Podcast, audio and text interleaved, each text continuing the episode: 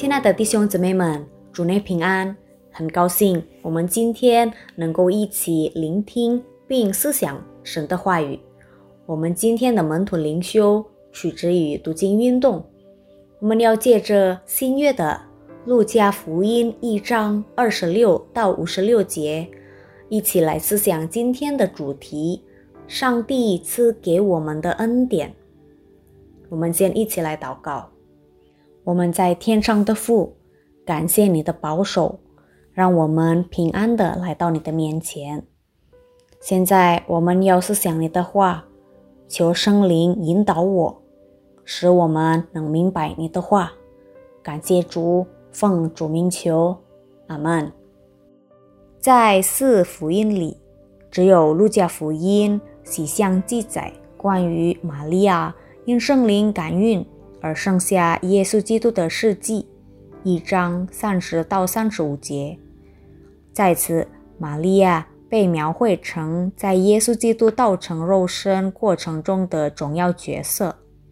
玛利亚对上帝的信心实在了不起，甚至可以说超过大多数门徒。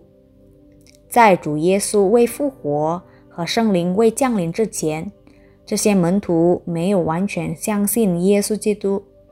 玛利亚不过是一位平凡的女人，当时在社会上无什么地位。然而，她在上帝面前已经蒙恩了。一章三十节，在上帝面前蒙恩是信徒生活中最重要的事。假如我们拥有上帝的恩典，就不需惧怕。玛利亚听了天使加百列的问安，很惊慌。可是天使对她说：“不要害怕，上帝的恩典为玛利亚预备，以致前途无论发生什么事，也不用胆怯。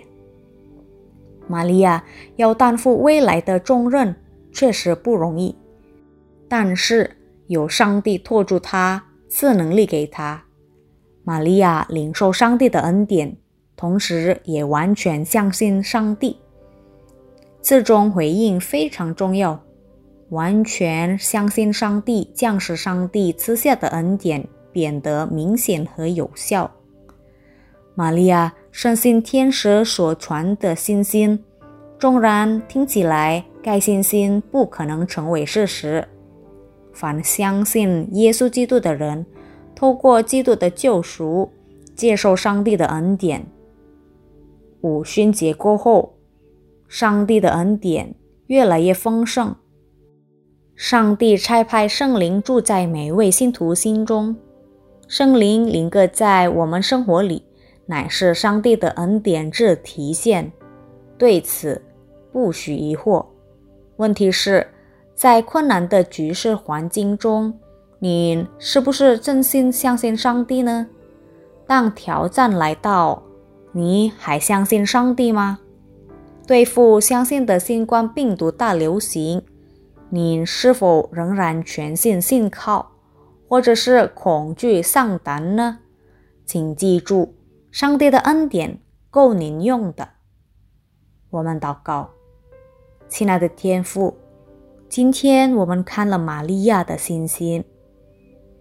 虽然当时他还没有看见你，但他愿意顺服，并相信你。